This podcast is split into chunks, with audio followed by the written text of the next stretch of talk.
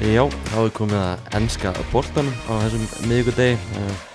Ég heiti Guðmundur Aðstedt, á mótið mér setur Stænk Geitin, þetta er langt sen ég sagði þetta. Stænk Geitin að mætti hérna á mótið mér, segja betur Stænk. Sælgumi, Hvernig ert í dag Stænk? ég er bara fín Þú er búin að sakna þess að ég sé að kalla þig Stænk Geitina. Bara núl En alltaf hressandi sko Þú ert, þú ert virkilega, virkilega flottur. Uh, Há, vá, takk. Hvernig erum við að byrja þetta? Ja, við erum að byrja þetta frábælega. mm. Herru, það var meistaröldin í gær. Það var ekki, ekki ennska úrstönd, það var meistaröldin. Heldur betur heldur betur frábær leikur á Anfield Liverpool, Real Madrid Já. hvað getur við sagt um hennar leik?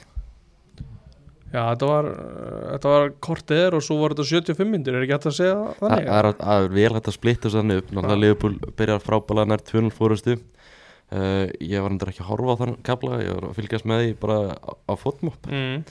Uh, bara, ég bara Liverpool er allt eh, bara frá að rúlla yfir Real Madrid hérna, hvað er í gangi? Sko hápressan, þú veist, pressaðir að var virka vel, allir voru með mjög gott ork orkustig Mhm. svo bara vann Real Madrid sig inn í leikin voru ekkert að stressa sig og, og bara þú veist það var, var að kapla í leiknum þar sem að hver einasta sókn var bara stór, stór hættuleg Mm. því að varnarleikur Leopold bara frá fremsta manni var ekki til útfylgnings bara á neinu sko, neinstæðar Nei, og Vinicius og Karim Benzema þeir voru bara að leika sér Herri, já, ég sá hann að skemmtileg sp- spurning til Klopp og fréttamannufundi hvort að Vinicius væri eitt sá besti í heiminum. mm. Það sem var skemmtilegt við þessa spurningu er að Klopp held hún væri á öðru tungumálun á ennsku og, notaði svona translator. að það kom ekkert af því að þetta var á ennsku. þetta var bara, ég sá þetta á Twitter skemmtilegt. og, og sann að Vinicius var eitt svo besti Já, svarið var einfalt. já, Yes. já, já, það er ekki Og svo, flókið hleið. Og, alltaf gaman. og svo skemmti Vinicius sér vel á Anfield þetta Já. leikurinn endaði 5-2 ótrúlega sem satt uh, að þínum mati, er þetta einvið búið Já, þetta er búið. mm. Um, ég hefði svona smá eða Anfield leikurinn væri e- eftir sko. Mm heimalegurinn bara það maður hefur séð ótrúlustur hluti gerast þar eins og var ekki 4-0 á mútið Barcelona Jú. það er bara, ég var orðlust þegar ég sá það en hérna þetta er þetta er í ykkur allt öðru kaliberi sko. Það, það er svona öðru veldi svolítið. Það er rosalegt. En heyrðu, ég tók símdalega náðan við Allam á Steinarsson einn úr Leopold samfélaginu. Við Va- tók, tók, tók gott spjall. Var hann nokkuð eitthvað veikur eða? Hann, hann og Sóli við á svona jákvæðan já, hvaðan hátt, Já. hann og Sóli Hólm eru flottir sko. Já. ég spjallaði við hann í, í góðan hálftíma cirka um, um Liverpool bara Mhm. tímabilið, leikin í gær. Uh, hann hafði margt ávart að segja en ekki bjart sitt hann er alltaf bjart sýt sko. ekki að heyra hvað hann hafði að segja Jú. Já, þá var ég komið með alla þá Steinarsson á, á línuna mikið stundismann Liverpool, allir bara hvern, fyrsta spurning, hvernig ertu eftir, eftir gergöti? Ég er bara geggjaður sko. Ég, ég er orðin það gammal og reyndur að ég þetta ekki að áhrif á vikunni hjá mér sko. Ég hafa smá fílu í svona áltífa klukkutími gæra sem hann bara hendur lífið áfram sko. Mm. En, veist, þessi, þessi leikur á móti Real Madrid, varstu, varstu vongur þegar hann byrjaði? Um, nei, ég veit ekki. En þú veist, ég mér hefur bara gengið á tímabilinu og vissi maður eiginlega ekki hvað var að fara að gera sko. Mm -hmm. Ég bjóst aldrei við að við myndum einhver leiti eitthvað, þú veist, vinna þá öruglega. Ég vonaði að við myndum kannski bara vinna þá, 1-0 eða eitthvað, sko, en, en hérna, svona eftir kannski fyrstu tímiðunar, þá var maður kannski orðin aðeins von, von góðri, von betri. Mm -hmm. Svo segir að þetta byrjaði alveg, alveg rosalega vel fyrir ykkur, komist í 2-0, þú veist, Kortva sem var ykkur rosalega erfur í úsliðlinni fyrir að gera slæm mistök, það var bara eins og þetta væri allt að fara, að fara á besta veg. Mm -hmm. En svo, veist, svo gerist eitthvað, hvað svona, hvað svona breytist hjá Liverpool á sem að- svona einhvern veginn allt fyrir úskeiðis. Sko, ég vil náttúrulega meina að fyrri hálfleikur hefði alveg eins geta farið sko þrjú tvö fyrir okkur eða þrjú þrjú jafnvel að þú veist, ég meina það eru færi á báða bóa við spilum ekkert illa í fyrri hálfleik þannig séð, það er bara menna, það eru tvö marknæstúður allir svona fyrir tvoða Mhm.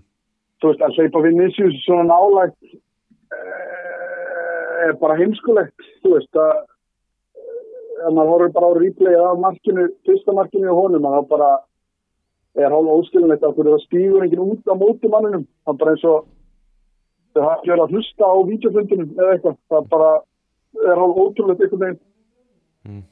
en síðan er það bara í byrjun fyrir hálfleik sem að þetta einhvern veginn bara hrinur sko. Mm -hmm. Kannski, þú veist, tölum bara um fyrst, að þriðja markið sem Eti Militao skorar en að dekningin í hotspinni, hvað var í gangi þar? Já, sko, í fyrsta leið þannig að er þetta ekki hoppin þetta er auðvistuna Já, aukaspyrna. Já, e- veist, já, en allt í góðu það sem er svo áhugavert er og ég menna ég hlusta á Karrager og þá aðeins að tala um þetta Rio Ferdinand líka á DT Sport sem er- var að tala um þetta bara uppstillingin á varnarinninni er svo galin Mm -hmm. þeir eru bara allir í einni línu og eina sem Militao þarf að gera hlaupu frá Trent og Trent bara eftir hann ekki hann bara á frían skalla tveimur metrum frá marki sko. Mm -hmm. uh, þú veist þetta er bara, ógæðslega lélega gert, sko, illa gert bara uppstillingin á vörðinni uh, og það er svona hálf ótrúlegt bara að horfa upp á þetta í endursýningu hvað þeir eru sjóandi sko. Alltaf, veist, Karim Benzema og og Vinicius Junior skora báðir tvenni þessum leik. Uh, veist, þeir fengur svona bara frekar auðvöldan dag einhvern veginn, það var ekki einhvern veginn verið mikið verið að trubla þá. Nei og bara sko það sást aldrei í gæð maður horfði náttúrulega eitthvað ógisla mikið á Real Madrid maður er búin að fylgjast með þess með einstakvöldinni og svona einhverjum spænskum leikin sem maður hefur nefnt að horfa á og þú veist þannig að maður er kannski ekki algjörlega með þetta um hversu góður Vinicius er í alvörunni en gæðin er náttúrulega bara ofurstjarnar þú veist á leiðinni allavega þanga mm -hmm. þeir bara ráða ekkert við hann í gær hann er allt og hraður. Og ég var búin að hafa ágjörði hvernig Trent og Gómez myndu eiga við hann. Og til miður þá bara eiga þeir báðir frekar slakanleik Gómez þeim mun slakari leik heldur en Trent. En hérna þú veist fjóruða marki sem Benzema skorar þú veist ég veit ekki, menn þetta er eitthvað deflection sem fyrir sig hann inn óhefni en þú veist, þetta er, er þeir komnir í þessu stöðu það er átt að vera stoppað þetta fyrr. Við vorum bara svo ókvæmst passífið í vörð við bara bakkum og bakkum að þeim og en þetta er eins og þú segir, þeir þurfti ekki að hafa þessu eitthvað mikið fyrir því að skora þessu mörg það var sem tók á þá. Mm -hmm. algjörlega uh, og hérna, þú veist, og þar kemur líka inn, ég meina ef við ætlum eitthvað að fara að tala um tímabili eða það er að það er náttúrulega bara eitthvað rannsóknar efni hvað í óskupunum er búið að gera til því Fabinho, sko. Af því að bara hann er búin að vera alveg hrostalega liðlugur og ég er Fabinho maður, ég meina hann var viðbjörnslega góðið þeirra en að horfa á hann eins og í gær hann er að láta 37 ára gamla Modric bara hlaupa fram hjá sér aftur og aftur og aftur og aftur. Og hann, hann setur aldrei út fótinn eins og hann bara það, það er eins og það sé bara eitthvað að í hausnum á hann það bara, það er eitthvað off. Þannig að þú miðjan er að bara og það er ekki þetta að láta átján vera bækliðbitch skilur þú ætla bara að axla alltaf ábyrði á öllu saman sko. ég veist, þannig að hérna ástæðan fyrir því að þeir eru komið svona í þessa stöðu þar sem að Benzema á skota fyrir vartamann og inn er bara að það er bara miðan er bæpassu, bara stanslið, bara aftur og aftur og aftur. Já Þú nefndir hann að Bætit sem hefur að koma veist, fyrir vel, vel inn í liðið þú veist, var þetta kannski of stórt svið fyrir hann? Var miðjan sem var með honum að, draga niður? Meðan sem var meðan hún var að draga niður, ég meina hann er búin að vera okkar besti miðjumæður á leiklinni sem segir meira mörg of mm -hmm. og að þetta vissi enginn hver hann var fyrir 12 ára síðan eiginlega. Uh, og sko Hendo er allt í lægi í gær en það er bara eitt farþegi á miðunni sem er Fabinho og þegar ert með Modric sem er líklegast að fara í sögubækuna sem er besti miðumæður allra tíma og Valverde sem er bara vél hann er bara, hann er Gini Vinjald, Vinjaldum bara á styrum að þá einhvern veginn veit ég ekki, þú veist, þá bara þeir keira bara yfir miðuna bæði bara getur ekkert þú veist það stór biti en hann var alveg, hefði hann verið bara með bet, hefði hann verið með Fabinho í fyrra með sér, það hefði ekki verið svona mikið vandamál sko. en bara það er bara flöytið framhjá Fabinho aftur og aftur og aftur og aftur. Þú veist, Þarf, þarf Liverpool þá ekki að finna einhvern mann í stöðun hans Fabinho? Þú veist, Við erum að sjá, þú veist, Master United með Casemiro og Arsenal með Thomas Partey Man City með Rodri öll þessi liður með veist, frábæra leikmenn í þessari stöðu. Þarf Liverpool ekki bara að fara að leita eitthvað annað en Fabinho? Það er bara 100% ég meina ef að sko ég man á að við ég hef nú talað við eitthvað tjósar áður eða eitthvað ég veitur og í byrjun að þá var, nú, var nú aðeins uppgitt djarfari sko en það bara bjóst engin við því að eitt besti varna sinna er miðjumæður allt tímabilið fyrir það myndi bara verða svona ógeðslega mjölur það er eitthvað af sko. það, bara, það getur enginn útskýrt hvað er búið að gerast fyrir það mm -hmm. nema hann sé bara brunnin út veist. og þess vegna kannski er fólk að býða eftir því að hann finni sitt gamla form. En það virðist vera bara að það sé ekkert á leiðin og þá þarf maður auðvitað að horfa í kringu sig og leita eitthvað annað. Mm -hmm. Því miður sko, þegar ég hef fílað hann lengi og hann var geggjaður í fyrra. En það sést alveg hvað gerist þegar lið fá til sín almennilega varna sinna að liðmann, ég menna það var það sem United var búið að býða eftir heil lengi og núna kemur Casemiro. og bara munurinn á leik liðsins bara við að fá hann inn er svakaleg mm -hmm. Já, það er alveg horrið það er búið, allt, eiginlega allt búið að breytast bara með komið hans í United Já, og það er einhvern veginn bara og fólk getur röflað yfir FSG stanslust eitthvað, en málið er að því miður og það er engin að kallast til því að hann fari eða neitt, en þá verður flott bara að taka þetta á kassan sko. Hann bara misveikna þetta svakalega. Hann setur öll öll sittin í bara það að fá Aurelio Tushimani hann sem fer til Real. Það gengur ekki og þá er haldið í sama format eða sama plan eins og hefur alltaf verið að ef að fyrsta val gengur ekki þá er bara beðið eftir næsta fyrsta vali. Og það bara springur svona hressilega í andlutan sko. ég held að klopp viti það alveg nú þegar ég menna maður er búin að sjá alls með svettur um að það hefur verið reynd að benda þeim á eins og Fernandes áður en hann fer til hérna Benfica og fleiri og þeir bara hafi sagt nei sko. við bara höfum trú á þeim sem eru nú þegar til staða sko. Mm -hmm. Veist, Þetta innvið þetta verður það er, verðist ekki vera eitthvað sérstaklega mikil trú hjá, hjá klopp og leikmennum að koma tilbaka. En telur þú að það sé eitthvað möguleiki að geti unni með þryggjamarka mun á, á Bernabeu Sko það segir sitt að það sé enginn búin að segja að þetta er búið. Af því að við höfum bara séð Leopold koma tilbaka úr já, eiginlega verri stöðu en þetta næstu því. Oftar en einu sem oftar en tvisar mm -hmm. en þá, sko, fyrir mér þá hefur munum þá bara verið andin í liðinu.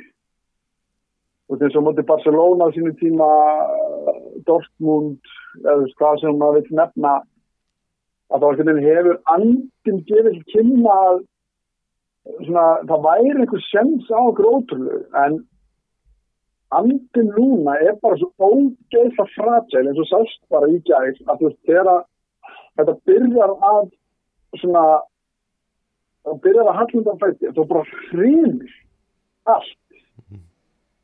Og það er eiginlega magnar að bera saman þessar tvo hálfleiki sko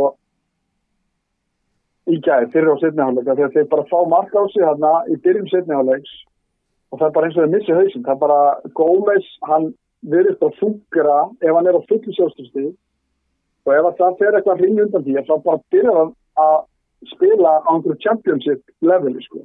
Mm -hmm. og hérna og mér er setnileikurinn er á Bernabá og ég ætla ekki að vera hérna eins og ég sé bara veruleika fyrstur sko að halda fyrir því fram að, að það sé einhver rosalega mikið möguleiki á einhverju en þetta er ekki búið til þetta búið og ég meina það góða er að sóknum hjá okkur er að fyrstu eitthvað að virka og maður bara vonar að besta en ég meina það er ég meina hvað getur við sett á þetta? 5% möguleiki eða eitthvað? Mm Já, örgulega eitthvað, eitthvað svoleiðis en þú veist, síðustu del, deltalegir það verið jákvæð svona merki þar menn kannski svona, kannski aðeins bara tala um að gamla liðbúsi komið tilbaka var það fake news að, þínum mati? sko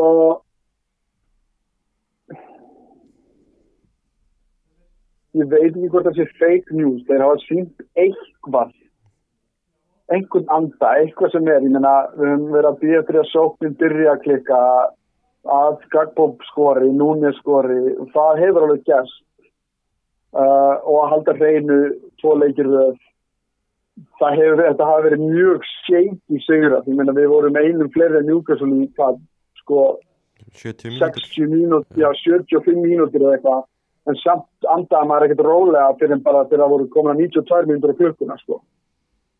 Af því að vörninn og þetta er náttúrulega bara, þú veist, miðjan er í einhverju tómitjóni og þar á leiðandi er vörninn í tómitjóni og bara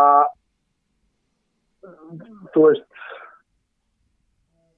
þetta er þetta leiðilegt sko af því að hefði leikurinn gæði farin sko þrjútvöð fyrir real veist, þetta er ekki verið svona rosa defeating en þá kannski hefðum að vera bróklega, þetta er ekki það mikið skemmtileg, við erum ennþá inn í þessu en ég veit ekki alveg hvernig veist, klopp að rýfa það aftur upp á raskatinu veist, í 19. skiptið á þessari leiktíð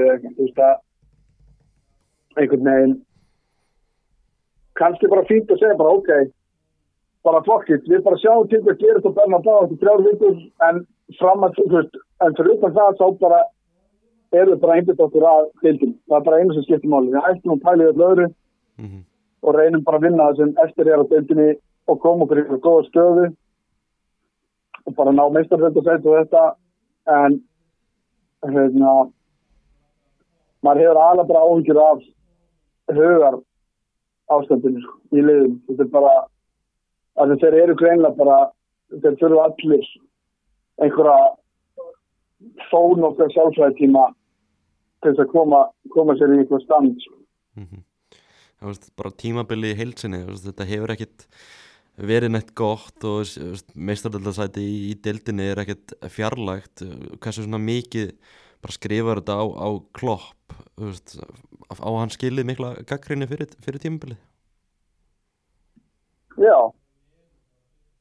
Hann og Pep Lundir þegar skilið bara mjög mikla gaggrinni sko. eins og segir, það er ekki neitt í heiminum sem ég vil hafa frekar í þau stöðu heldur en klopp. Og eitthvað allt talum veist, ég menna ég veit ekki á hvað livjum eitthvað fólk sem er að tala um að klottur að fara eða sjö ára bla og hann er bara búinn og whatever, það er bara kjáftæði, það bara er engin annar þú veist þú verður að leifunum að ef hann fær pening og, og getur gett leikmenn og gett byggt þetta aftur upp á nýtt en hann bara feila, það eru bara það eru ákveðinu hlutir sem að hann og Pep Linders feila á. Það til verða bara óna það. Það er bara allir lægi, það bara tekur ágróti og segir bara, herru, ég skeit og hérna, við bara misveiknum þetta. En hérna, hann kannski hérst að, að og ég meni, ég held að ég vorsti honum ápartin líka sko, því að leikmenninir eru náttúrulega bregðarsum það er alveg klárt. Uh, það er eins og hluti sem hann getur gert mismunandi. En ég stíl ekki okkur Sala fær ekki frí okkur hann prófar ekki eitthvað annað bara Elliot þegar hann fór hann á kantin í einhvern leikum dægin og var bara eins og ferskur andvari sko mm -hmm. uh, meðslinn hafa náttúrulega þetta með Jota, Firmino, Díaz við sjáum Díaz þetta er alveg svakalega mikið það er að einu leikmennir í lífinu sem er ekki svona ógeðsla búinir á því andlega eru Gagbo og Núnes og kannski Bæjetitt sem hafa ekki verið í þessu hamstrahjóli síðustu ár og upplýðu kannski ekki veist, þetta gríðarlega áfall í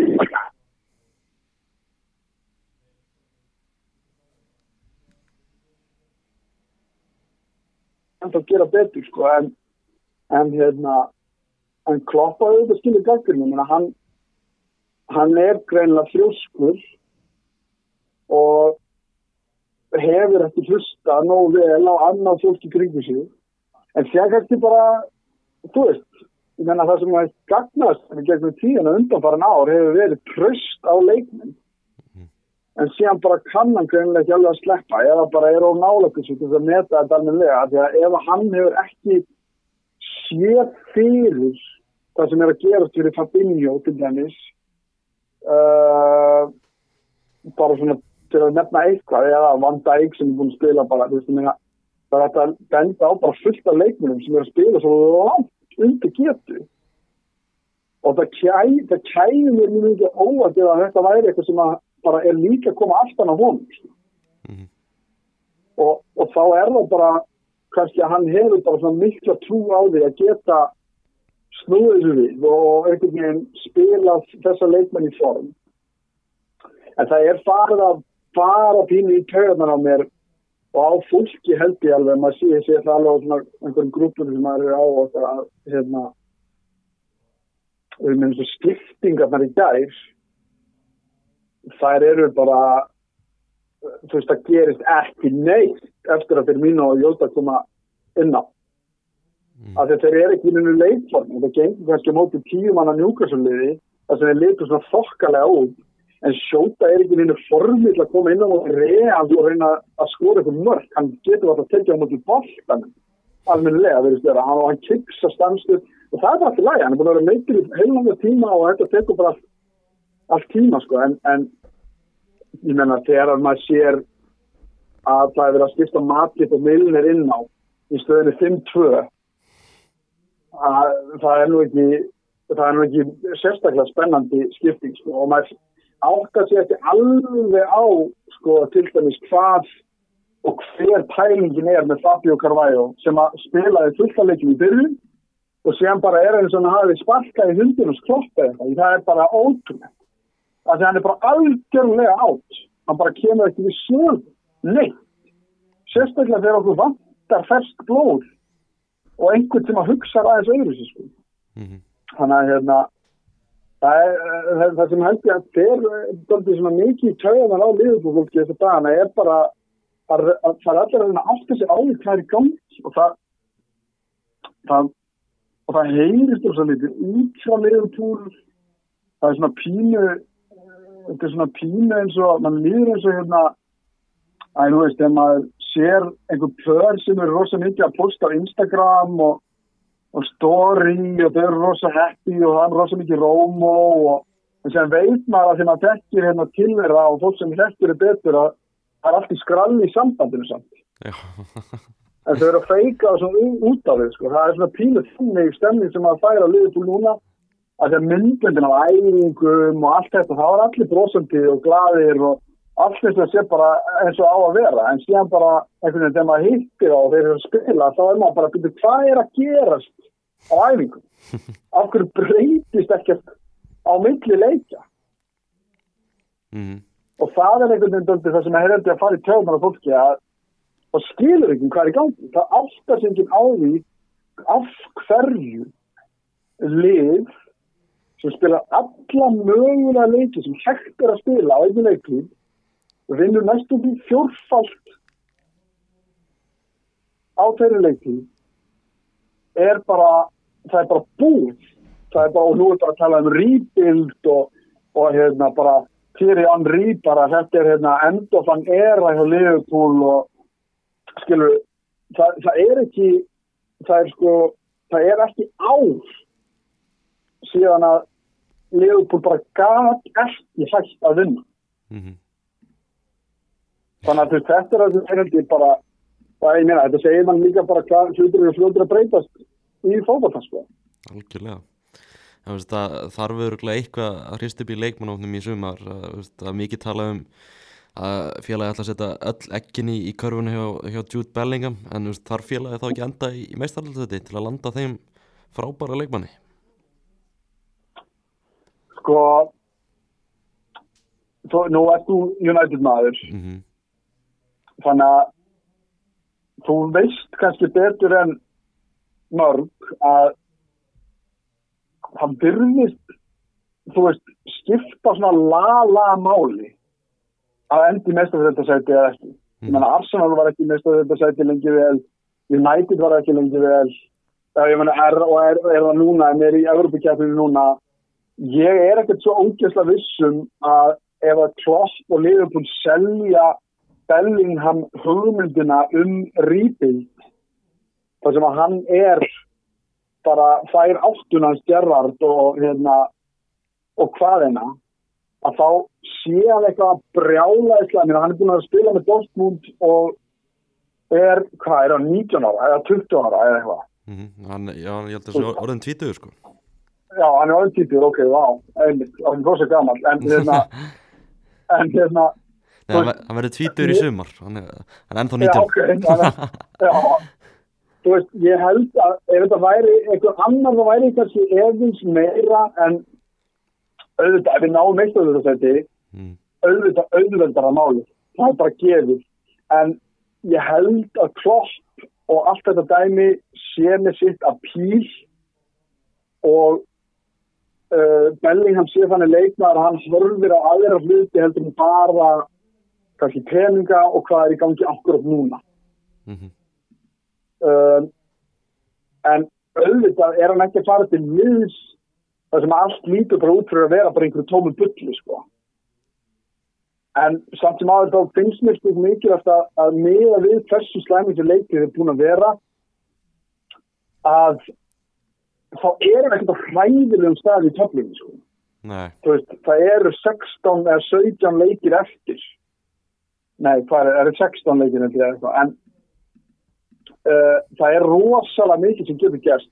Og það meina að það er líka rosalega mikið slæmt sem getur gerst. Og við getum tapað helmyndum á þessum leikjum og verið bara einhverju tómutjóni en við getum líka tekið okkur saman og einhvern veginn klifraði töfluna og bara miða við sko leikina sem United hefur geta keift ég meina Casemiro kemur til United í Európa-dildina, skilur frá Real Antoni kemur uh, meina, hverju fleiri sem að ég er að gleyma Alessandro. Martínez. Sancho, Martínez, Sancho þú veist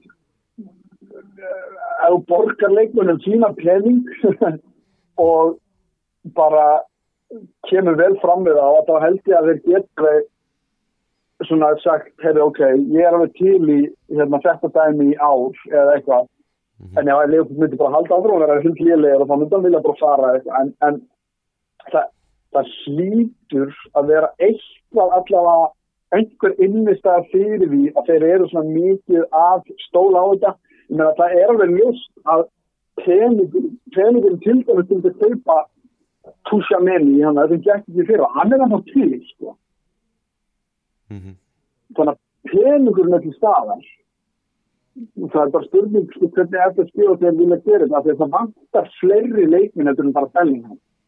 Það er hjálp okkur að Bætins er allir að verða bara mjög góður og þannig að maður getur séð fram á að ef Bellingham kemur inn og Bætins heldur að hún spila vel og það þarf kannski að það vonandi getur keita eða sem eru að fara vendar eða Tiago Henderson Fabinho ef enginn af þeim fer að minnstakosti reynt að fylla þetta eina slott skulum að því það vantar betri varnamann heldur en Gómez eða Matip sem eru annarkvæmt neittir eða ekki alveg nóg stabilið þá er ég vil vinda að segja að Matip getur verið bara mjög góður og var mjög góður í fyrra á, á löngu tímabili en Bellingham er ekki svarið sko. hann er eitt, hann er eitt fusk í þessu uh, en það þarf aðeins að endurhugsa sko meira, það þarf ekki tvo miðurinn og einn varnamann sko, Mhm. ef ég að segja alveg er Þannig Og að hérna- hérna... þið geta ekki sett öll eggin sín í, í körfuna hans Bellingham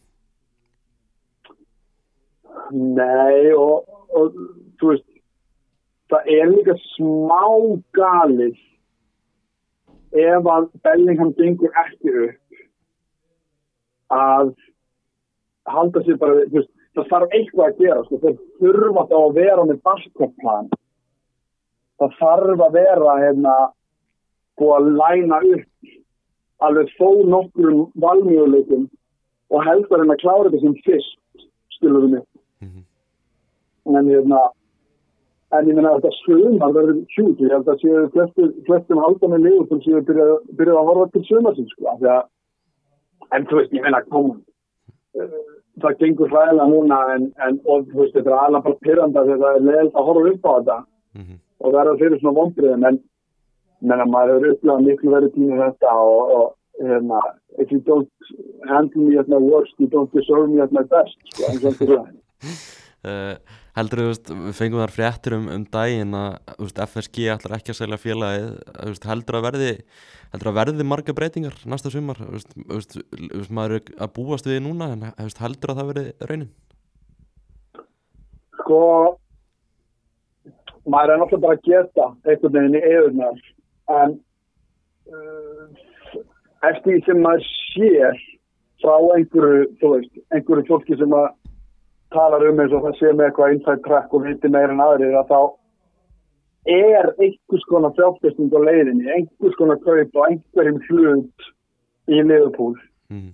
hvaða aðili það verður veit maður ekki en þetta, þetta sumar er hjút fyrir FSG líka því að ef að þeir hafa hugsað sér að sko svona nokkur með trappa sér niður í eignafaldi á Liverpool að og hugsa bara, og ég meina þetta fólk hugsa bara sem businessu, það er bara þannig þá vill það ekki að eignin sín tapi verðmæti Mm og þeir sjá fram á að það þurfi innspýtingu af nýju leikmannum sem kosta ákveðum mikið geng. Það er einhver peningur til, ekki kannski fyrir öllu sem að klopp vill, eða hvernig sem það er.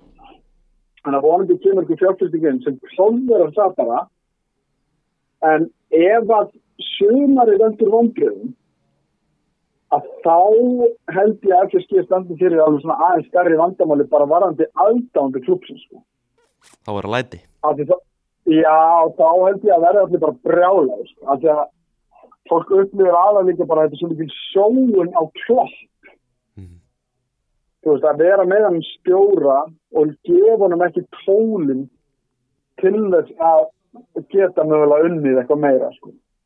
og hérna og ég meina ef ég myndi ekki halda að eitthvað myndi gerast næsta sumar að þá væri lífið náttúrulega mjög erfitt sem aðdándu liðum þannig að ég verða minnst að vona að það sem verið að segja sé einhverju leiti rétt Mhm. af því að ef ekki þá erum við náttúrulega bara að leiðin í eitthvað tómt rögg sko. af því að þessi leikmur sem ég er búin að ræða hérna í, núna sko þeir verða bara eldri á næsta ári sko. Og þeir eru orðnir dröldu gamli sko. það er bara, er bara eins og það er svo Binja og Henderson Van Dijk er að vera eldri Sala er að vera eldri Tiago Matip meina, og, og þá fyrir bara að hugsa sko hversu lengi og ég held að núna þessi er enda betur næstu leikti en menna hversu lengi nennir Alisson til dæmis sem er bara líklega ég myndi segja top 3 besti í heimi mm. hversu lengi að nennir já ég menna hann er viðbjóðslega góður og hann er einn, alveg ég menna ef við erum að taka kannski samanbyrði United og Liverpool af því að núna er Liverpool þátti í fasunum sem að United er búið að vera í. Og ég segja að hefur verið að draga vagnum stundum. Og núna er alveg sem að gefa það fyrir Liverpool. Ég veit ekki hvað við værum án hans á þessari leiki. En hérna það er þetta mikið í húfi ef að þetta, þetta sumar gengur ekki upp sko. Já, að þá allt inn að fyrir að pæla einhverju hversu mikið menni þessi og hinn að vera þarna lengur sko ef að ef að hérna, það lítur ekki út fyrir að það sé verið að reyna að bæti í að gera betur sko. Mhm. já. En það allir bara takk kjærlega fyrir að taka síman og virkilega skemmtilegt spjall. Vonandi, Já, bara fyrir Já, bara vonandi fyrir ykkur liðbúl menn að fara svona að ganga aðeins betur.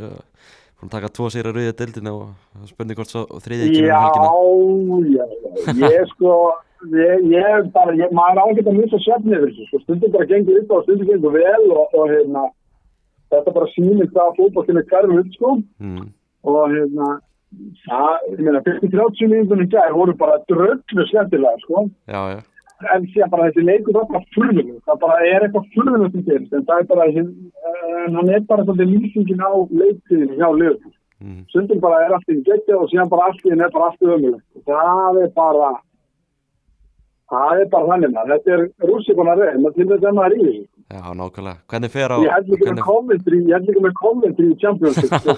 það er algjör, það er algjör hérna slagur. Úf, það hefur verið erfitt síðust ár maður Já, ég veit það.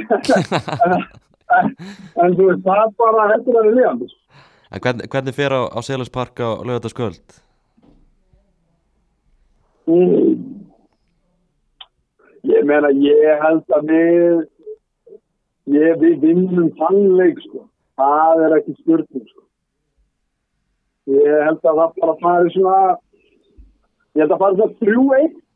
Ég er svo hrifin á honum, hérna, uh, hvað heitir hann sem skora aukasturnum á móti ykkur? Og Lýse? Já, og Lýsum, ég veit hann alveg gegn það. Ég held að hann skal ekki setja eitt. Já, hann En er ekki þeir, það er ekki ekki, ég held að, en, en, en Leopold, Gagbo er komin í gang, er komin í gang, hann kroppur örgulega öskaka á það og þeir takkir góðan fund og bara rífa sér upp á ræfskapinu og við góða again, sko. Gaman, Maður er, verður að vona, ef ekki, þá bara getur maður aðeins pakka saman og hætta að fylgjast með. hversu gaman hefur verið að horfa á Núnes upp á síkastið? Hann er geggjaður. Það er alveg bara Agent Chaos strikes again, sko. Hann veit aldrei hvað hann er að fara að gera og bara, hann er, hann er bara nákvæmlega ástæðan fyrir að maður er að fylgjast með þessu. Stundum fyrir að maður sjá hann um, en hann er svo ódregnanlegur og það er svo mikið náttúruleg orka í honum Mm að hérna, hann verður monster. Það sjá það allir, en allir bara takk kærlega eins og ég segið fyrir að taka síman og bara gangi ykkur vel hérna í, liðupúlsamfélaginu Já, er það. Verðum í bandi? Já, er. Bye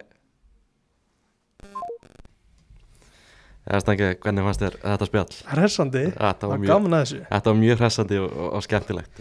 Púlar eru ekkert, rosalega hrifnir af Fabinho á þessu tímabili. Nei, Skiljanlega kannski. Fabinho, menn tala bara um að hann sé bara einfallega búinn.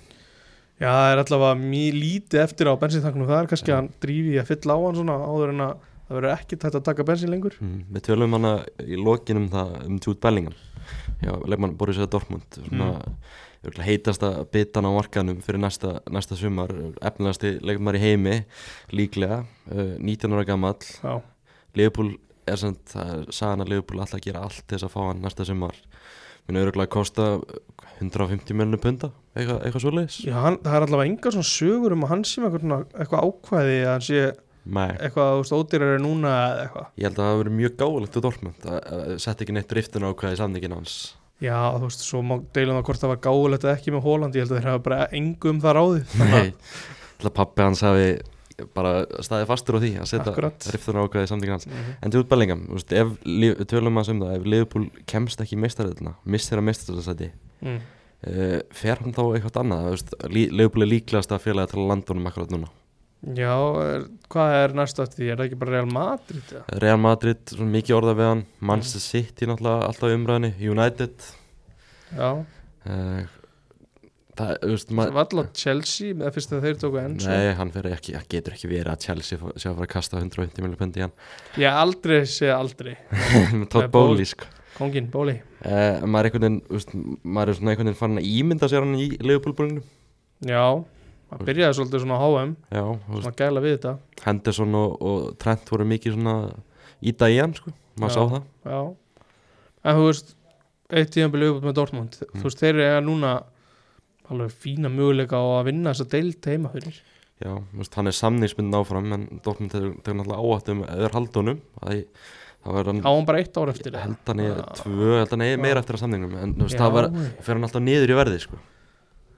Hann fyrir samt ekkert nýður í maður myndi- Það verður alltaf verið stríð sko. Maður myndi alltaf að halda það, alltaf ekki, já, já, alveg, jú, jú, alveg fýtt punktur sko en, en þú veist, ef þú vinnur deildina með Dortmund og, og þeir eru kannski tilbúinir að eitthvað aðeins fara út fyrir sinn launa struktúr, skilur við mm ekki það, ég veit ekkert hvort þeir séu tilbúinir í það en af hverju ekki? Dortmund er náttúrulega að vera á rosalegu skriði í Þýskalandi og eru í fínum málum meistardeldi Já, þannig að hver veit. er alltaf hann með bandi þar þegar Já. að Róis er ekki spila og og bara í toppmálum. Þetta er alltaf að saga til að fylgjast með. Var, Þessi leikur í mestaröldin í gær uh, Það var líka líka þannig að Andrat Frankfurt og Napoli mættist og, og Napoli vann þann leik 2-0 uh, nokkuð miklum yfirbúrum, já, hvað skilja Við heyrðum að Tryggva tala um hvað uh, Tryggva.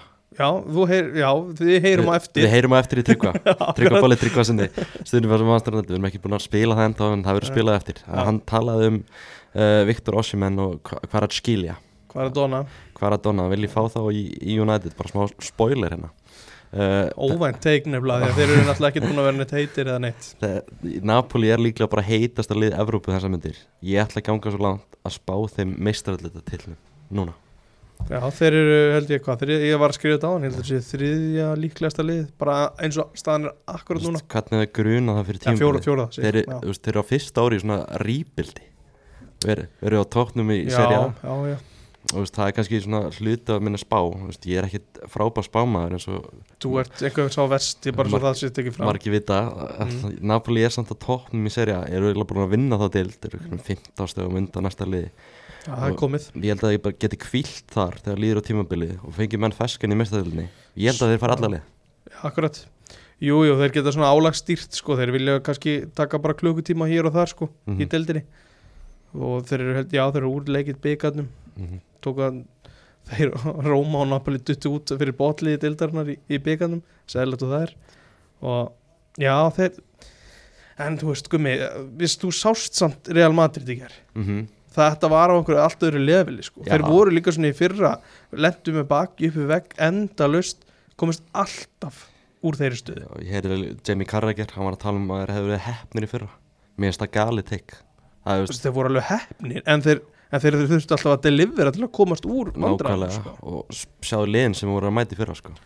Veist, þeir voru að mæta sitt þeir voru baki uppi vegg á móti sitt liðinu sem átt að vinna keppna þeir kláruðu það bara í lókin mætti PSG líka það sem voru með heldur betur líka með vegg. já, Þetta er bara segast að liða Európu og Luka Modric í ger Það var bara eins og, ég veit ekki, eins og væri bara 25 ára sko. Nei, þú veist, svo er aftur einhvern veginn að byrja að kvikna á, á Valverde sem var búin að vera smá svona döfur í, í svona mánuð mm Vinicius tölum um hann Benzema þú veist, ef Courtois hætti kannski að vera eins og trúður stundum í markinu þá, þú veist, eins og þessu leik þar segja þá, þá er það bara óviðir á hann leir þetta er náttúrulega ótrúlega vel manna lið bara eins og gefur að skilja sko. Já, við heyrðum, hana, heyrðum alla að lýsa Valverde sem Gini Van Eldum á, á veist, geðveiku leikmaður sko. því líku leikmaður haldið því að Marco Asensio Mm. sem er frábær fótboltamæður Mm.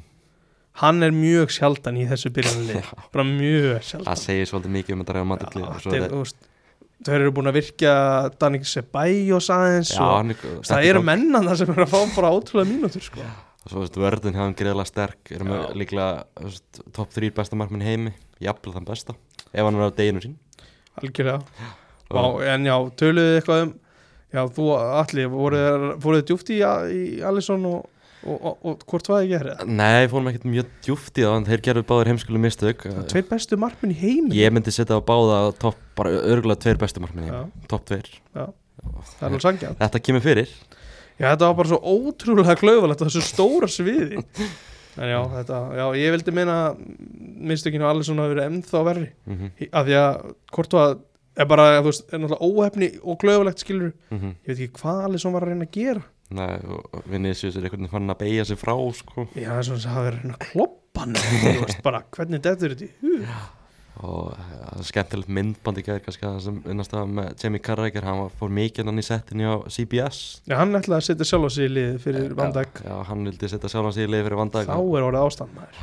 Hann er skemmtilegt myndband af hann hann að tekið á meðan leik stóð hann var að borða matinn hann í byrjun alveg að missa sig og svo jafnaði Real Madrid þá var brosið fljótt að breytast í, í fílusup Já, greiði kallinn. þau eru ótrúlega þessi mistarallega kvöld og anvíld já, eru, þau eru ótrúleg. Já, uh, en í kvöld þá eru líka tvei leikir eh, kannski ekki jafn áhugaverðir og í, í gærkvöldi en þeir eru samt þessi leikir í kvöld samt alveg frekar áhugaverðir. Er þetta ekki svolítið fyrir, er þetta svona jafnar viðrögn eitthvað með svona að þessi fyrir leikur? Þessi fyrirleikir myndi ég að segja sem mjög spennandi. Já. Ég gæ- gæti þetta að vera það. Inter Porto í Milano. Já, Indir ættu náttúrulega að vera favorist þar. Þeir eru svona, þeir eru eitthvað með búin að þurfa að harka svolítið núna undanfjörðinni í deildinni og ekki að langt í frá jafn samfærandu og Napoli. Uh, og Porto bara segir í sér blessið mistall sko. þeir eru alltaf segja og svo náttúrulega RB Leipzig á móti Manchester City Rasen Ballsport, Leipzig. Þínu menn? Nei, seint, seint sagðir mínu menn í, í Leipzig en hérna, já, bara þeir eru nú góð að segja um helgina allavega, Mhm. annað en City. Mhm. þannig að koma aðeins heitar inn í hennar leik. Ég held satt að City einhvern veginn svona takk þetta takk þetta nokkuð örugt 2-0 City náttúrulega án Kevin De Bruyne í þessum leik heldur að það muni hafa mikla áhrif.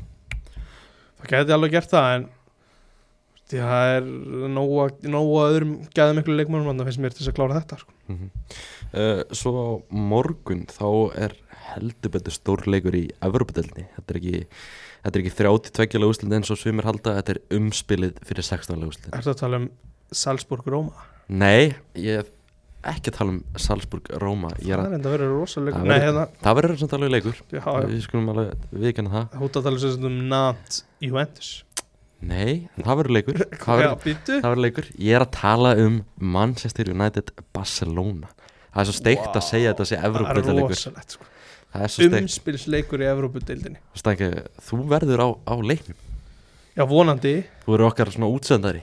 Já, vonandi verði ég á leiknum Ég er allavega að ætla mér að fljúa út Já, og erum komið með miða Já komið með það. Þannig að all, alla líkur á því. Um, hversu, hversu spenntur ertu bara veist, fyrir að fara hann út og vera á þessum leik upplifa Evropu kvöld á Old Trafford? Mjög spenntur. Uh, Bara Já, sjaldan verið ég spenntur. Mhm. Ég ætlaði mér að fara á Erlendis í desember. Þá stoppaði veðri hérna á Íslandi mig að fara.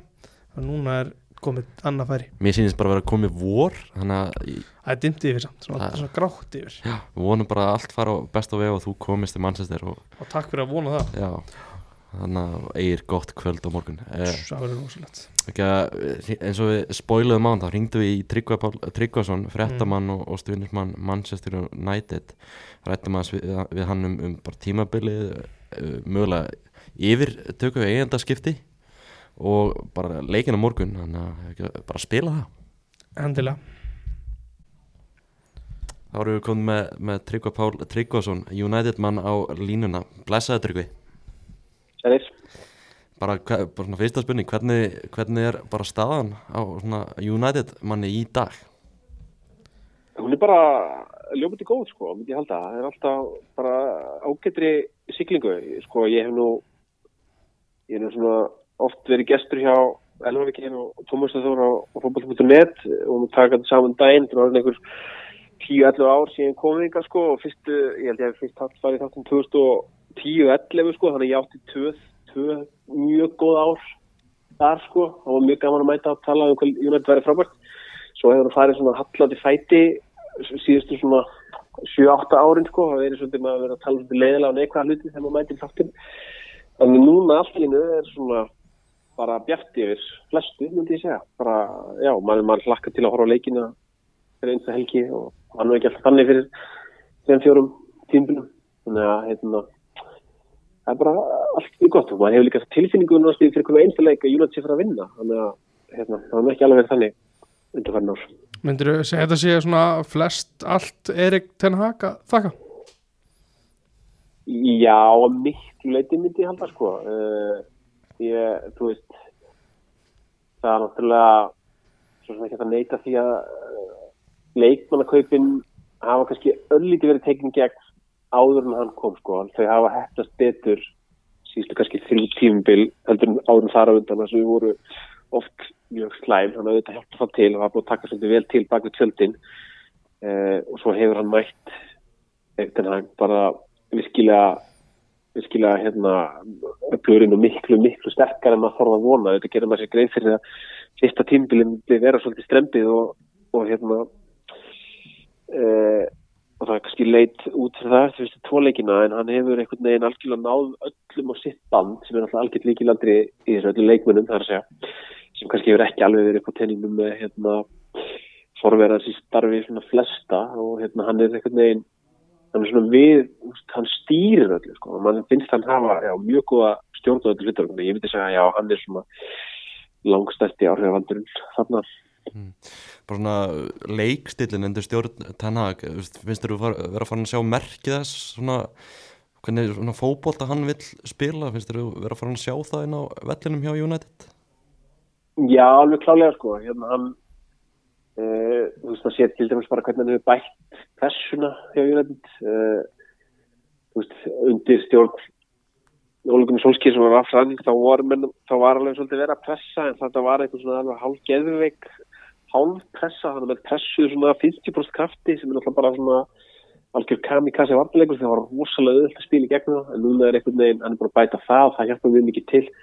Uh, hann er búin að varnleikurinn sko, hann er búin að styrkja hann mjög mikið og kannski það er bara með tilkomu hérna hérna tímis í völdinni og hérna það hjálpa mikið til. Maður sá kannski líka að það er búin að neyða David í Gea til að aðeins að koma út af líninni sem hefur hjálpað líka, ég held að það er þess stór vandamál Harry Maguire sem tíma er að hann veist, var að spila hátt uppi en var að samanskapja með Markmann sem var alveg pikk fastur á línni þannig að örlíti neitt að þetta geta til aðeins að koma ofar það hefur hjálpað mikið til. Og svo sér maður líka bara svona einhvern veginn þú veist það er sóknarleikurinn er ekki lengur tilhengilkendur hann er oft, uh, hann var undir stjórn Mourinho líka einhver leitið solskjör uh, mjög tilhengilkendur sóknarleikur byggðist mjög mikið einstaklisframtæki uh, þetta sér maður miklu meiri svona einhvers konar einhvers svona struktúr og það verðist vera svona eins og loksins sé einhvers svona pæling almenlega á æfingarsvæðinu hérna, sem byrstist í leikjum sko, sem ég vist vera með jákvæmt mm -hmm. Sáum til dæmis bara um daginn þar Harry Maguire komin í liða mútið Leeds að leiti ekkert rosalega vel út. Hversu svona mikið finnst þér Rafael Varane og Lisandro Martínez að bara breytt gangi mála fyrir United? Já, þeir hafa bara þú veist, bara náttúrulega breytt þessu alveg sko, eins og segi, ég, hérna með Harry Maguire, ég held að hluti af vandanum hann hafi verið, það sem ég var að segja á hann sko, að hann einhvern veginn var með markmann alveg pikkfastan á línni og hann sjálfur ekkert til að hraður. Svo held ég hann líka, hann hafi bara ekki alveg ráðið við kemur ljós, hann ræði kannski ekki alveg við persónu sem fylgið að vera fyrirlið á svona stórum félagi. Uh, Lísandro Martínez verist bara að elska þá pressu, hann kemur inn með algjör, hann svona rýfur ekkert en allt í gang sko, hann er svona hálfgerður ég veit ekki, er hálfgerður Rói Kín að fylgja til, hann er svona mjög mikill persónleiki, mjög mikill karakter.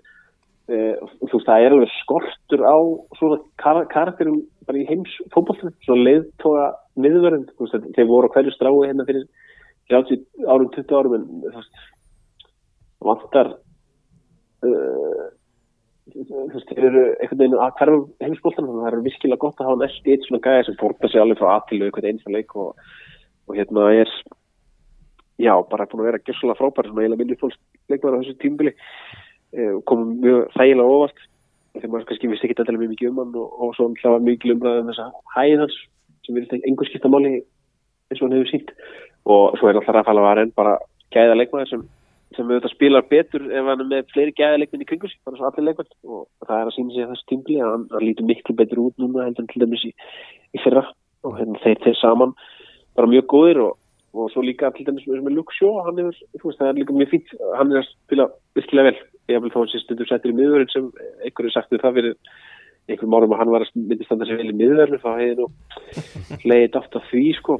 Hérna, hann að þú veist það er bara þeir eru bara svona þettir sem er náttúrulega bara grunnuna alls mörgu það er að vera öflur í, í vördunni Akkurat, vördnin er búin að vera, vera nokkuð góð en samt svona tveir bestu menn liðsins eru, eru, eru framann við vördnina það er, er ekki, ekki alveg að segja það Casemiro og Marcus Rashford hafi verið bestu leikmenn liðsins á tíumbilinu Jú, það komið kannski líka glöggli í ljós með Casemiro, allum sem bara verið banni núna í þessum trefum síðust deltilegjum og maður allum sér það sérstaklega hérna, í fyrirleiknum út í Leeds og svo líka á móti Lester um helgina að miðjan uh, hefur verið svona svolítið opinn sko, hérna, og auðvitað að komast í, í gegnum hana þannig að sem var kannski ekki alveg upp á tegnum til þess í Barcelona-leiknum sem kom hana í middiltíðri þannig að það er náttúrulega bara Casemiro.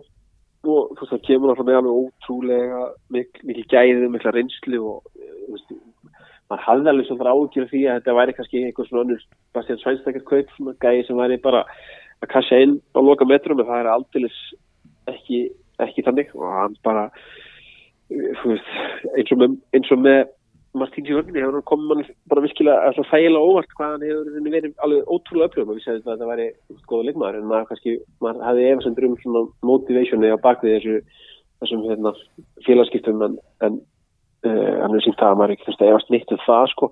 Og Rashford auðvitað bara þú veist, hann hefur alltaf sínt að þessi leikmaður býr í honum sko, hann hefur kannski aldrei náðsamt að, að hérna, aldrei náða að tjannla svona mikla orku í, í langan tíma eins og hann er að gera núna. Og hérna eh, kannski bara, þú veist er að græða því að að að Ronaldo er farinn, það er meira pláss fyrir hann í liðinu. Og hann er bara hún takaði keppinu sem aðal maðurinn maður sér bara að menn leita mikið til hans og maður sér að hann, hann, hérna, hann er orðin brjálaður ef hann fær ekki boltan í góðum stöðum og hann er farið að taka mjög mikið til sín. Og hérna bara svona ennett dæmi um þú veist, maður getur eiginlega næst í nefnt hvaða leikmann sem er, þeir hafa allir stíð Mhm. einhver 1, 2, 3, 4 skref upp á þennan sem er náttúrulega þetta bara líkil atrið í þessum bolta maður sé bara til þess svona glopp á sín tíma að koma til Leifupúli leikmannhópur sem hann tók við var ekkert eitthvað stórkslegur en hann náði að bæta alla veist, alla, einsta leikmann um einhver þrep sko. Og svo þegar mann bæta við góðum leikmannum þar hann á milli á fylgskiptumarkum þá er hann bara uppskrittað að einhverju góðu sko. Og þetta er eitthvað sem við vantað hjá Júrætt bara frá því að Ferguson hætti. Við hefum eiginlega aldrei verið með þjálfara sem hefur náða svona, þú veist, gera allan leikmennina betri einhvern veginn. Mhm. og við höfum séð svona keppinu til að vera að gera sko. Bara á þessum tíumbúti það eru, það eru tveir lánsmenn hjá United uh, Vekhorst og, og Sabitzer á að ef þú fengir ráða, eru þeir keftir? Já, ég, þú Sabitzer er hérna alveg myndi vera alveg þokkalega kostur sko. hann er ágættur leikmaður þetta var fýtt svona squad player ég, svona ljósið ég held að myndi ekki kosta mjög mikið þannig að ég myndi ekki tafa móti því að það er að fá hann okkur góðum prísa af hann sem leikmann í hóplum ég, veist, okkur vantar það vantar heldur gæða menn á miðina og hann, hann tekka alveg þau bóks uh, Vekost, þú veist, ég menna nei, ég held að ég held að hann myndi nú ekki vera kiptur hann svona, þú veist hann hefur alveg staðið sig ágætlega þjónar hann mjög ákveðnum tilgangi og hérna ég, ég held að sjá hann flestir að hann er nú kannski ekki alveg svona gæða hérna, klassunum sem þarf í Jónati þá hann, ég ætla að taka á hann hann bara, þú veist, hann bestur svo ljón og, og er mjög duglegur og mjög aðtöðsast að sjá hann í þessari tíu stöðu hérna, hann vil standa sér betur í tíunni heldur en að vera frammi sko. eh, þannig að þú veist eh, bara hrósa hann fyrir hvað hann komið þokkala inn í þetta, mann bjóst við engu Mhm. eh, og hann alltaf hefur eitt kost umfram Antoni Marcial, það er það að hann getur spilað myndur eh, sem er hérna þó hann sé hæfileikar ykkur leikmar, þá verðist Marcial ekki ráðið það að spila mikið meira en 45 myndur í á það fyrir eitthvað viður þannig að hérna, veist, það þurfti að fá einhvern það þurfti bara leikmann til að manna framherja stöðuna og, og Veikost er bara búin að standa sig ágætlega. En, en nei, ég var svo stórlega um að hann verði kiptur ekki nema að það verði þá fyrir eitthvað bara eitthvað grínverð sko. Ég veist, er ekki komin tími samt á að, losa Martial allavega, hann er búið að ansi lengi á félaginu og gert afskaplega lítið allavega síðust ár. Já, þetta er bara algjör sorg að segja þetta er auðvitað hæfileika ríku leikmaður hann er átt hérna, ágætt að spretti inn á milli. En þegar náttúrulega komin frá stöðu það er ekki hægt að treysta á því. Menn þetta var svolítið tímbili hans uh, fyrir tímbili, menn Ronaldo var í smá vesinni fyrir tímbili uh, hann að Marcial fekk sjensin uh, og svo sem, þú veist alveg spila ágætlega, en bara þegar það er ekki að treysta á það, þú getur spilað út af meðslum, þá náttúrulega er það mjög erfitt að reikna með þér sem einhver svona stærði í þennan hóp þannig að, þannig að jú, bara því, með, því meira sem hann er meittur því minna þetta treyst á hann. Og, og hérna þá var sér nú dæmi um það að menn hangi meittir hjá Júrændi í mörg ára sem með Phil Jones þá, hérna, þá held ég að hérna, nei, ég sé hann ekkit mikið halda mikið áfram sko, mikið lengur ef hann getur mann sé að fara, fara að ná einhverju rönni að að spila Akkurat, þú nefnir Ronaldo fyrir tíðanbili og það er svona spóla maður aðeins fram og fram að þessu blessaða viðtali sem maður fór í gat þetta viðtal komið eitthvað betur út fyrir Master United, þú veist bara eins og þetta hefur spilast í kjálfarið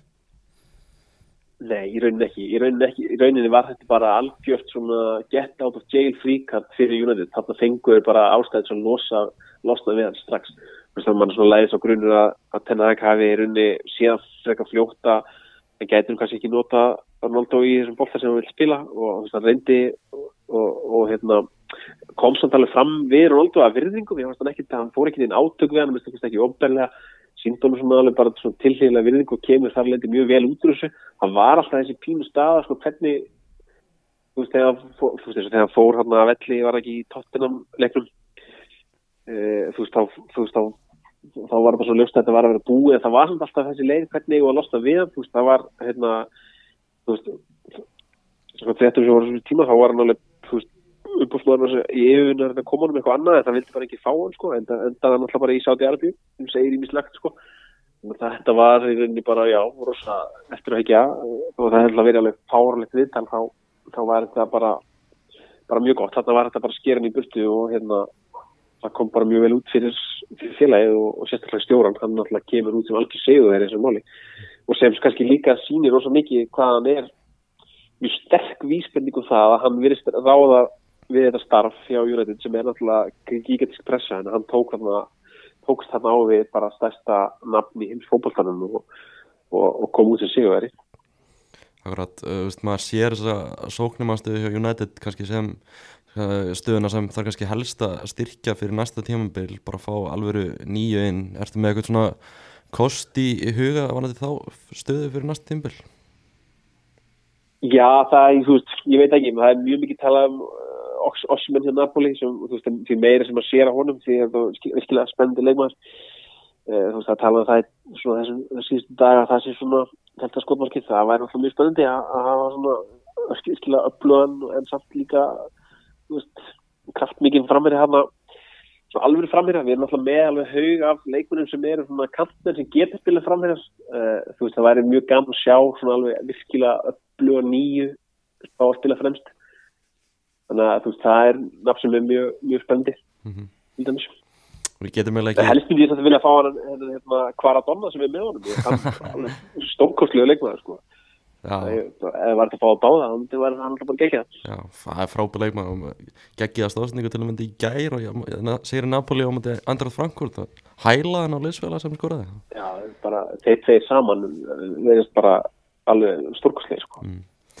uh, Við getum eiginlega ekki sleftir á þess að spyrja það út í fréttina frá síðasta föstudegi Gleisir náttúrulega að reyna að selja United eða að skoða það og komu náttúrulega tvö tilbúð í félagið Katar og Sir Jim Radcliffe á hverjum vagninum ert þú og ertu spenntur fyrir þessum tíðindum?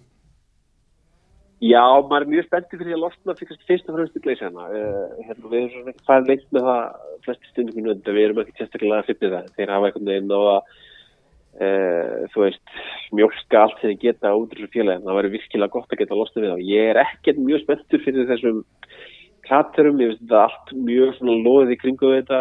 Hérna, uh, Það blaðamæður í brelli sem heitir Nick Harris sem mælum með allir fólag á Twitter, hann er með Sporting Intel á, hérna, á Twitter. Mjög svona góður hérna blaðamæður í tengslu við þetta, veist, hann var með mjög fína frétt um helgina, það sem hann var bara svo að spurja úti hennan gæða, hennan Sheikh Yassim bin Hamad Al Thani uh, þú veist, talsminnans geta ekki sagt sko, þú veist þeir geta ekki sagt hvort hann sé giftur, þú veist, þeir geta ekki sagt uh, hvort hann er bönn uh, þú veist, það er haldið fram að hann hefði byrjað að halda hann í árið 1992 þú veist, árið 1992 það var svolítið ekki unni tím, unni hérna titil í 25 ár. Uh, hann var 10 ára gamall árið 1992 þú veist, þetta er allt mjög svona ég efar stórlega með þessi hérna, þessi staðhæng sér sönn og þú veist júni, og þetta tilbúið að hljóma finnst eitthvað veginn þannig að hann ætli bara allt til að hreinsa alla skuldir og, og hérna eða, ég veit ekki hvað með eitthvað pening í, í félagi, en Júnandi þarf ekkit endilega á því að halda sko að fá eitthvað svona, eitthvað mannsætti sitt í eigundur, veist, þetta er stórt risastort félag, það stendur þú veist, það stendur stendur sig, stendur að, sjálf, stendur að sjálfur sér jafnvel þó sérst með eigundur sem eru alveg sæðilegir þannig að þú væri bara með eigundur sem eru þokkalegir þá erum við bara í, í, í, í góðum málum. Eh, þú veist, það er alveg augljóst að þessi gæi er á vegum, þú veist, katarska ríkisins. Ég held að þú sért ekki að fara að henda einhverjum fjórum miljónum punta frá Katar á þess að, á þess að yfirvöld þar hafi eitthvað með, eitthvað mál að gera. Þú veist, og mér finnst ég er ekki séðin af þessum þessum hérna þessum uh, oljupenningum sem þessi ríki er að kaupa, ég er ekki séðin af því að þessum hálfgeir ríki eignist eignist félag þannig að ég er svona hallast frekar af uh, Jim Ratcliffe og hann sé ekkit einhver engil sko, alls ekki hérna, en mér finnst hans tilbúð svona eðlera einhver liti og ég held að hann svona sem bretti gæti veist, tengst félagin einhvern veginn betur og hérna og þú veist að það þarf ekkit við þurfum ekkit einhverja þá, við þurfum ekkit einhverja engla sem koma ofan og að redda öllum, við þurfum bara einhverja eigundur sem eru bara sæmilega sæmilega hæðir til til að reka þetta bara ágætlega. Og þá, þú og eigundur sem er, ber gæfið sem ráða rétt fólk á réttum stöðum, þá bara siglir þetta félag mjög vel, sko. Mm. þannig að fyrir fram eða svona meðan það settir, þó þetta er þetta mjög óljóft bæði tilbúin, sko, við veitum ekki sérstaklega mikið um um, um hérna um, um hvort en það er þetta svo sem allt ennþá mjög óformlegt sko, þú veist, gleysirðir eru með heldur saman fyrirtæki og sáum að selja Chelsea á sín tíma. Mhm. Uh, og þeir náttúrulega tókst að pumpa verðið á Chelsea vel upp og veist, þetta tilbú, uh, þessi, þessi frestur á föstudaginn var í rauninni ekkit, er ekkit annað en einhver svona tilhund til þess að reyna að pumpa verðið á United líka það á mikið eftir að koma í ljós áður en að þetta fyrir eitthvað lengra sko. Mhm. Svo náttúrulega er þessi spurning með Katar og PSG, þú veist, mega, mega, þú veist, er þetta tengdir aðalar sem hann er fyrst og mjög svona augljósti fyrstu sína að hérna að sé nú erfitt að fyrir að eiga bæði PSG og United en eflaust þeim að sína fram á einhverja laga tækla að sína fram á þessu ekki eigundur, veða ekki eigundur begja leiða, en hvað veitum við svo sem? Það við erum talað um það svolítið í brekkum fjölmjölum að það eru augljóslega tengsl á milli Yassím og, og, og konusfjölskyldunarna í, í Katar veist, og augljóslega þú veist, talað um sportswashing hana í tengslum við þetta heldur að ef, ef bankastjórin frá Katar muni eignast United heldur að muni taka svona uh, frá því sem hillar við þetta félag Já, alveg klálega. Uh, þú veist, það er bara eins og við þú veist, það, það er eitthvað svona, þú veist, það sem þeir hafa gert af vellum, það er eitthvað svona, þú veist, hálgert svona, þú veist, þetta er, þetta er ekki að merkilegt þetta er, af því að það er, þú veist, eitthvað gæi sem er bara, þetta er hálgert svindl, sko, þú veist, þegar kemur eitthvað gæi og bara dælir skjössalega peningum í þetta, þú veist, það er, þetta er ekki svona, þú veist, þetta, þetta er ekki og við viljum hafa fótbolta, sko, við viljum bara veginn hafa þetta, þannig að menn geti kert á einhverju svona samkjöfnis grundvelli og hérna já, ég, þú veist, ég er ekki ég reyna, við þurfum ekkert svona einhvern, við erum ekki svona Manchester City við, þú veist, við erum ekkert einhverju ómækkilega klúpur sem öllur er drullu saman sko, og því Manchester City, City var, svo ég skjóti nú aðeins á, á þá hérna, maður er ekki mikið efnað því undarfærin ár. Já, Siggi að ég- Helga verður alltaf ekki sáttum með þetta. Það er algjörlega, þú veist, líka tala um uh, gleisararnir, þú veist, ætlum mögulega ekki að selja félagi alfarið, eru kannski bara að leita ykkur í fjárfæstingu, er það ekki greiðarlega vombrið ef það myndi ekki rast? Jú, ég skal, ég er aðeins svona að pæla í þessu Ég- ég einhvern veginn hef svona til- tilfinningunni að líklegast að niðurstæðan í þessu öllu saman verði bara að þeir haldi á uh, og þú veist að mögulega þessi, hérna, þessi tveir bræður sem svona hafa mestir í þessu kaupi þá kannski hinn hinn sískinin út sko. mér finnst einhvern veginn eins og það verði mögulega loka niðurstæðan í þessu Mm. uh, og þú veist jú, þetta var það leiðilegt uh, og hérna þetta þeir hérna þeir hafa svona skánað örlítið þó að þú veist, þeir hafa svona einhvern veginn eins og sagði á þeir hafa aðeins tekið til á baku tjöldin og, og, og bara gefið sem ráða góða þjálfara núna þannig að þú veist, það þarf þess að ekki að verða um heimsendir sko, aðal vandamáli sem ég verði í dag er náttúrulega bara þetta skulda fjall sko Mm sem er á félaginu sem, sem er þeim að kenna og hérna uh, það væri rosa gott ef það væri hægt að mýka það til dæmis. Það væri hérna, uh, ekkit vest í heiminum að þeir halda áfram og, en veginn að mýka þetta, þetta þessa gríðalögu skuldið sem þeir letu leggja á félagi þegar þeir keftu það. Hérna, þetta verður alltaf ennum tekst að selja þetta á þetta pening sem við talaðum ég veit ekki hvað fjóri til 5-6 miljardar punta. Þá náttúrulega er þetta bara hljóta þetta flokka sem ykkur bestu viðskipti bara söguna því þeir kaupa þetta félag með því að hlaða skuldum og, og hérna ég er ekkert eins og þeir hafi pungað út eitthvað svo miklu. Og svo hafa þeir bara látið félagið borga, þessa, borga þetta, þessi kaup og svo ef þeir selja á hennar pening þá sleppa þeir út með ég veit ekki hvað mikið pening. Það, þú veist, talað um vermaðan en það gefur þið mögulega dýrasta íþjórtafélag bara sögunar Já, já, þetta er alltaf bara að þeim kalibin þetta er risastórt nafn á eh, þú veist, í, í, í, í heiminum bara með allra stærstu íþróttafélagum þeim síst þannig að þetta þarf náttúrulega smá sumvið til þess að eignast það og með svona, svona félag það er ekkert á hverjum degi sem svona félag fyrir á sölu sko. Það er alls ekki auðvitað að eignast svona félag og áöld að vera það. Þannig að hérna, þú veist, já, þetta fer það á einhvern penningu sérstaklega eftir þess að tjelsi sölu í, í, hérna, í sumar sem er kannski tölum að hafi verið hafi verið á einhverju svona yfirverði sko, þá hérna, þannig að Chelsea fer á þennan penning þá fyrir United auðvitað á uh, meiri penning það er miklu stara félag en Chelsea á, á heimsvísu þá Chelsea er alltaf stort félag uh, bara svona að lokum alltaf þessi leikur á morgun uh, já á morgun 50 dagar á morgun, Barcelona hvernig leggst hann í þig?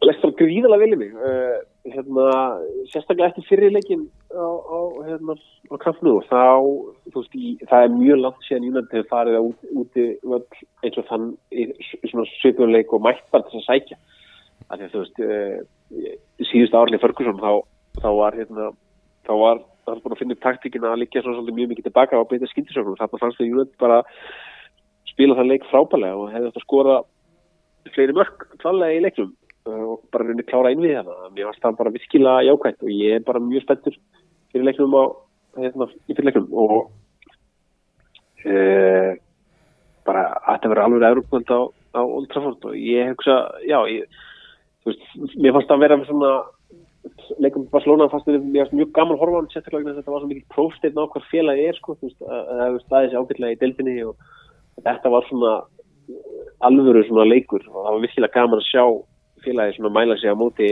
hérna liðinu sem er já, bara eiginlega langa eftir í spænsku deildinni. Og hérna, bara virkilega gaman að sjá það algjörlega eigi að voru að mínum að þetta er betra alveg leikum og hérna, ég bara vona á bara mjög skemmtilegum leik og ég held að þetta verði bara góðu sigur hjá United. Mm. og það komið sér vel að hérna við verði banni hérna hann Gavi og Petri Mittur þannig að þetta er svona tveir leikir menn leikur sem er ekki með. Akkurat. Þannig að já, ég held að það verði bara já, ég, veist, fyrir, sko, við- líka fyrirleikur var nú bara með skemmtilega fótballleikir sem ég sé langa tíma. Ég hugsa hérna ég held að leikurinn sem er framöndan verði bara á saman daginn. Já, svo byggar á, á sunnundaginn Já, bara mjög spennandi. Það er hérna virkilega, uh, það var hann, held ég, Brian Clough sem talaði það á sín tíma, það var mjög mikilvægt að vinna svona titla þegar þú ætti að, byrja með, hérna, ætti að reyna að byggja eitthvað, að talaði um að Devil of the Taste of Champagne, sko, komast að bræði, kampáins bræði, hérna, þú veist, að ná svona einhvern veginn að, finna þess að segur tilfinningu, held að það verði, hérna, bara virkilega það væri virkilega gott að ná sigri á mútið núkastlu og hérna myndi svona já, bara vera fyrsta skrefi, bara mjög fínu tímbili hérna, já, fyrsta tímbili hjá, hjá Tennak, þannig að það verður ekkit öðvöld, núkastlu bara mjög góðir og hérna, það sé alveg bóka uh, karisminni og stórleik hérna í fyrsta leiknum í hvað, eitthvað tvö ára eitthvað sem við nú að tala um. Og bara svo allra að lokum tryggvi hvernig metru möguleika mannstjórnættið í, í deildinni. Er þetta, þú streymir þið um titilinn? Já, það er alltaf hann að einhvers staðar og hérna, einhvers staðar alltaf í manni, þegar maður horfður á stöðtöfla þetta, er ekkert langt sko, það er ekkert það er ekkert langt í, í City og, nei, jú, City og Arsenal. Þannig að, þú veist það er möguleikið alveg fyrir hendi. Ég held að það sé svolítið fjarlægur kannski sérstaklega það mjög líka kannski sérstaklega hversu menn langt menn fara í þessum keppnum. Ef menn fara djúpt inn í Európa-dildinu og djúpt inn í FA-byggarinn þá verður þetta þá verður strempið að halda, halda einhverju sigur þínu gangandi hérna, samfélgri sigur þínu gangandi í deildinni líka sko. að, því, veist, þetta er ekki sérstaklega breyður hópur í rauninni sem mann er að nota. Uh, sérstaklega svona á miðinni þeir eru mjög funnskipaðar á miðinni og hérna eins og Bruno sem búið að spila held ég bara flesta bara mest í allra leikmanna í Európa á þessu tímbili svo einhver tímbúti verða þessi menn þreyttir þannig að það þannig að veist, það er það sem mun hætti standi í vegi fyrir einhverju svona einhverju alveg titilsók sko en ég menna hvað veit maður, veist, en menn eru menn eru í sjens eða eru þrýleikir eftir þá getur allt gerst sko.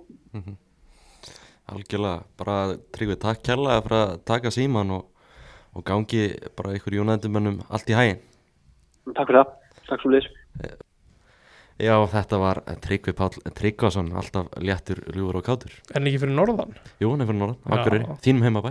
Frábæstaður frábær staður að vera á. Uh, Þitt sín svona skoðun á þessum leika morgunstæki United Barcelona, fyrirleikurinn eins og Tryggvi sagði bara einn besti leikur sem maður hefur séð bara lengi, frábær fótballaleikur mikil gæði og, bara virkilega skemmtilegt. Þú svo kallar end-to-end stuff mm -hmm.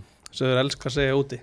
En jú, þetta var bara stór stór, stór skemmtilegt, við horfum á hann leik saman mhm. og, og bara höfum mjög gaman að en það var, hvað, endur þetta ekki í einhverjum 17 martilunum við liðið Jú. eða meira en það jafnvel Þetta var, veist, þetta var bara jafn leikur skemmtilegur, opinn, bara eins og maður vill að fótballaleikin séu. Þetta var bara, ég get ímyndað mér að hlutlausir aðdándur hafi skemmt sér bara konunglega að vera að horfa á þetta. Já, þú veist, er náttúrulega þrælega samt að þetta hafi verið klukkan 6 sko, kortir í 6 Ég veit ekki, það var einhvers að það væri einhver regla að það væri alltaf, þú veist, fyrir á setna slotti Ég held samt að því hafi nú verið einhvern tíma fiffað fyrir örgulega United á sínu tíma sko Já, við vorum fegnir að þetta var klukkan 6 að við tá, sáum við setna áleikin og haukar í hér. Já, Körfunni. það máttum ekki missa því, körfinni Því lík endur koma.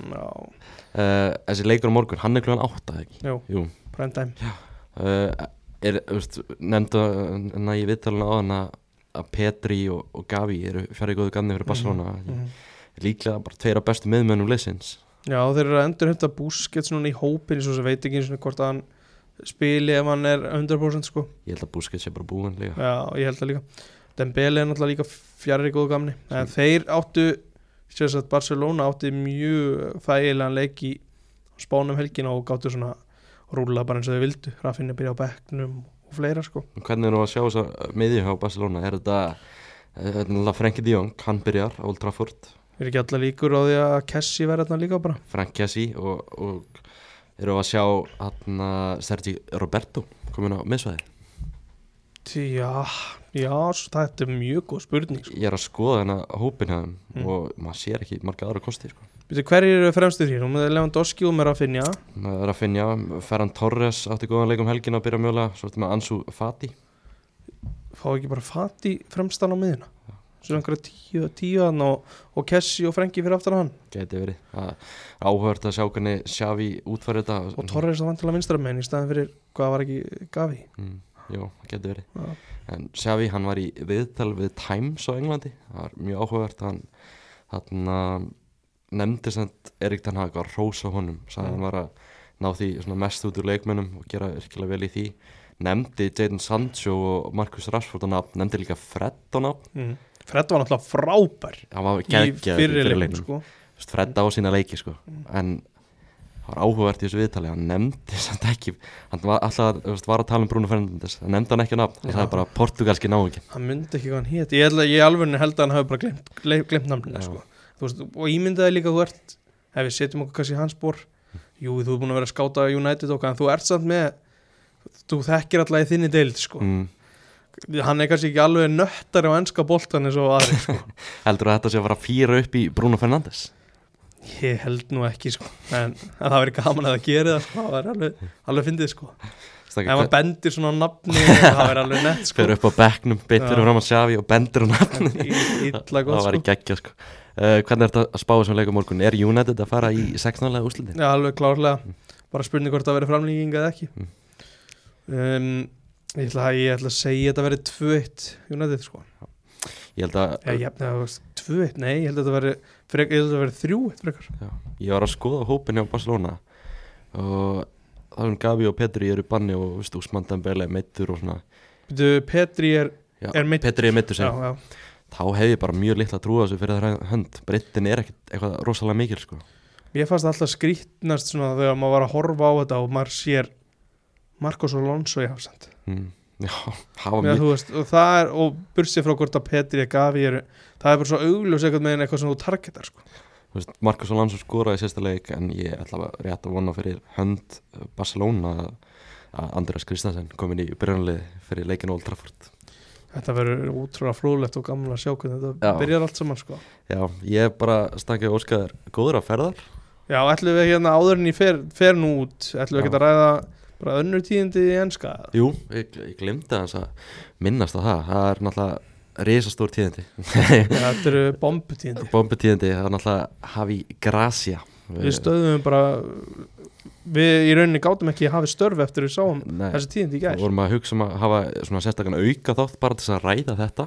Akkurat, uh, Hafi Gracia ráðin nýrstjóri Leeds. Þetta er kannski svona fyndin, fyndin tíðindi í ljósi þess að Leeds sendi frá sér tilkynningu bara í síðustu viku Mhm. með Skubala, Já. uh, futsal þjálfaran uh, hann eftir sigur að Evertón átti hann að fá nokkra leiki með linn, ekki sigur mútið Evertón það var eitthvað annað það var alltaf tók, tók hann að sigur um daginn tóku þér sigur gerði töpur ekki mútið Manchester United uh, náttúrulega töpa mútið Evertón Já. þeir töpa mútið Master United. Og þannig að hann hefur ekkert gert sko bara hann hefur sko. ekkert gert. Þeir rifur sérst bara í gikkin eftir að tapa mútið Everton. Hann stóð sér, vel í futsalinu en svo átt hann að fá nokkra leiki tilgjönda fyrir leikinu mot Evertón töpuðu 1-0 motið Evertón og eftir það var ákveð að fara í nýjan stjóra Já sko það sem við erum, við erum auglýslega múin að vera að grínast þetta með Hafi Grassi þetta Já. er ekkert eðlilega óspennandi. Þetta er mjög boring gráðning en veist, kannski eh, svona mikið einu möguleikin sem Leeds hafði einhvern veginn. Bara, þú voru búin að tala við nokkra stjóra Antoni Ereála, Marcelo Gallardo og fleiri stjóra en Alfred, voru þeir búinir að tala við Óli Gunnar? Ég, veist, ég veit að það er þetta hattur á milli félagana mm, þú vilt ekki vera með United menn og la la la la en þú veist, en tjekkar ekki við ég væri til að heyra viðbröð Mána Péturssonar við þessari spurningu hér. þessari vangaveltu Já, þessari vanga ég veit náttúrulega að Máni hlustar alltaf. Þannig að hann ringir eflust bara í mig og fer yfir þetta Ég væri til að sjá Mána Péturs svara þessu á Twitter. Já það verður skemmtilegt.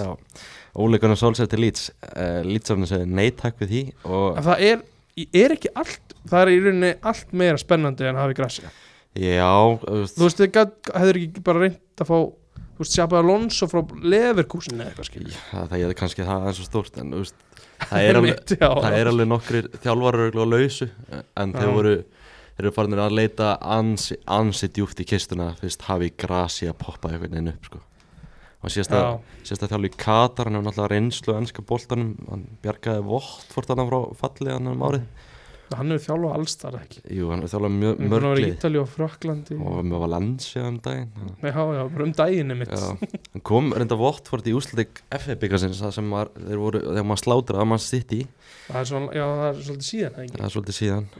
Fyrsti leikur hans við stjórnvölinn verður á móti Southampton á, á laugadaginn, hann tekur bara strax við og er bara verður á hliðalínu hann er mættur í vinnuna ok, hann hlýtur að vera á hliðalinn það er margir náttúrulega sem taka eitt svona eitt leik upp í stúku sko. Þarna mætast uh, Stálinstinn, já, hvað heitir áttur spænski vinnu minn hjá Sándal? Selles Selles, ég hef mikla trú á honum. Hann byrjaði með sigri á móti Chelsea náttúrulega það verður áhugast að sjá hvernig þessi leikur fer. Eitthvað svona fleira á ennska boltanum? Svo- ég með það mjög gaman að ég, gæri hana viðtalið sem byrtist við Ken Sema leikmann að með talminn hann stamar, mætti samt í viðtal og var bara ótrúlega flottur stóð sér greiðlega vel og síndi hversu svona góð fyrirmynd hann er. Já. það er ekki það er vel gert hjá honum að, að hjóli í þetta sko. Já, ég get ímyndað mér að það er ekki auðvelt að koma svona ofinbörlega fram þegar, þú stamar. Það er okkur mjög stressandi sko. Já, erfitt en bara ríkulega vel gert og bara, ég held að þetta hjálpi mörgum. En hvernig, hvernig var þetta í, í Championship í gerð vann börnlega eða? Burnley er komið upp ég held að það sé það er alveg, alveg nokkuð ljóst. Þeir eru með svín á þetta 12 stiga fórskot á liðið öðru stætti og 16 stiga fórskot 17 stiga fórskot já. En það er auðvitað einhverjir, hvað, tóluleikir eftir eitthvað? liðið þrjá stætti Michael Carrick er að gera frábæra liti já. Borró með Ellisboro er mitt, og svo er náttúrulega Leeds tjekka Borró já, Heyri Carrick sko. Hann er náttúrulega orðað verst á núna. Náttúrulega- já, er það ekki alveg bara raunhæft? Það sögur um að David Moyes er mögulega að fara inn í sinn síðasta leik ef vestam já, tapar ég um ætla að helgina. myndi líka vera þar. Skemmtilegt. Carrick er sæður efstur og óskalasnum vestam er með leikum helgina á móti Nottingham Forest á heima er bara skandallegur að fá allavega ekki stig út af heimleik fyrir þetta hversu marga bolta Keilun á þessu fyrr Já, Keilun Avas er eflaust í stuði eins og vennilega en veitu, það er, er eitthvað annað í þessu þú veist? Gareth Ainsworth, ráðan til Queen's Park Rangers mér fannst gaman að því. boring. Rocker, hann er skemmtilegt lúk herri, þetta er hann já? Já, Já, er alltaf í skirtu með svona tvær tölur nefta frá. Hárið slegið niður. Þetta er enda, já, það er típa. Ég tek bara tilbaka, ég sagði boring, ég myndi það ekki. Ég lækka til að sjá QPR núna ég, ég ætla ekki að horfa. Það er bara að sjá ef að hann gerir eitthvað. Já, komur eitthvað skemmtileg mynd på Twitter ef hann gera það. Uh, Annars held ég að sé ekkert eitthvað mikið fleira sem við þurfum að ræða. Er Nei, áhugaverðir leikir um helgina kannski. Tottenham Chelsea. Og svo náttúrulega leikur sem þú er líka á á, á sunnudaginn. Já, úrslutaleikurinn Master United Newcastle. Mér langaði samt aðeins frekar að enda þetta á að, Mm. svo sem ekki rýna einhverja stakar leiki sko. mm Hvað finnst þér um þessi þessi eigenda skiti mögulegu hjá United. Ég er eiginlega bara mjög sammála að tryggva í þessu. Mér finnst aðdeglisvert að fylgjast með samfélagsmiðlum. Það er ljóst að Katarnir er með nokkra svona parodí að kanta Búin að ok. kau- kaupa sér mikill stuðningur bakið á kvöturum á Twitter En Ég- ekkert svona official gæjar sem þú veist hverju eru sem er að styðja þetta Nei, ég hef ekki mikið séð á því sko. Engin búin að hakka, þú veist, Piers Morgan okkar eða Mark Gold, eða Goldbridge er hann ekkert að jákvæður og Kannski Richard Keys og eitthvað svona fleiri er hann United maður? Nei, Hann er ekki Nei. United maður, hann er Katari Já, hann er náttúrulega, já, Katari, Já. sjálfsög, Hann er að keftir hann til BN Sports í Katar Já, En ég er svona sammála að tryggva sko. Mér finnst það ekkert sérstaklega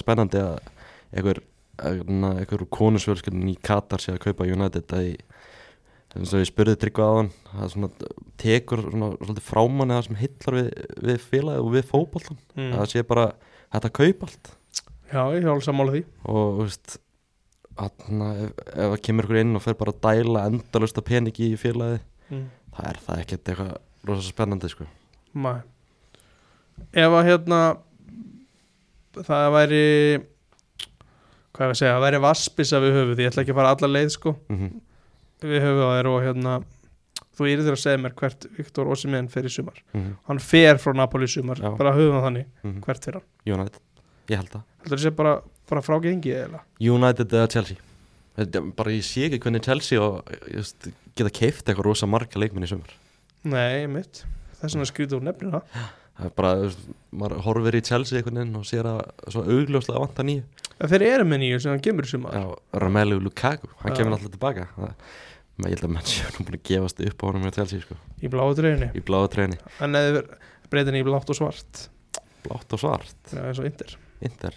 Heldur hann farið fari þangað, bara alfarið? Nei, er að segja að Chelsea breyti búningu sín blátt og svart, já, það er kannski annar mál, þá kannski líka hann maður betur ég veit það ekki, skoða en, en þú, ert þú á, á Jim Radcliffe-vagninu með Yassim Ég er bara, ég ætla að viðkjöra það, ég er bara ekki múin að kanna þetta nógu djúft einhvern veginn, þú veist hvort ég sé orðin, ég er ekki orðin spenntu fyrir sem- fyrir að vera svona alveg official eins og Tryggvi sagði það, mm. það er margt eftir að gerast áður en að þetta fer á næsta skref sko. ég sá hann að Mikael Delaney sem er svona frekar virtur fréttamæður í, í Breitlandi hann var að skrifa um það uh, fyrir vikunni að þó, þú veist, ef Yassim kemur inn dælir peningi félagið mm. uh, og United bara fyrir að vinna allt þá er þetta ekkert eitthvað mjög heitlandi að það er það er rosa heilin að vinna allt. Það er rosa, það er gaman sko kannski ekki mörg ári röð, kannski svona að lifa hinum að vinna stundum en það er kannski, það er kannski ekkert eins gaman þegar þú ert veist, bara eitthvað tól í einhvernum íþrótta já, ég, er alveg sammála því sko.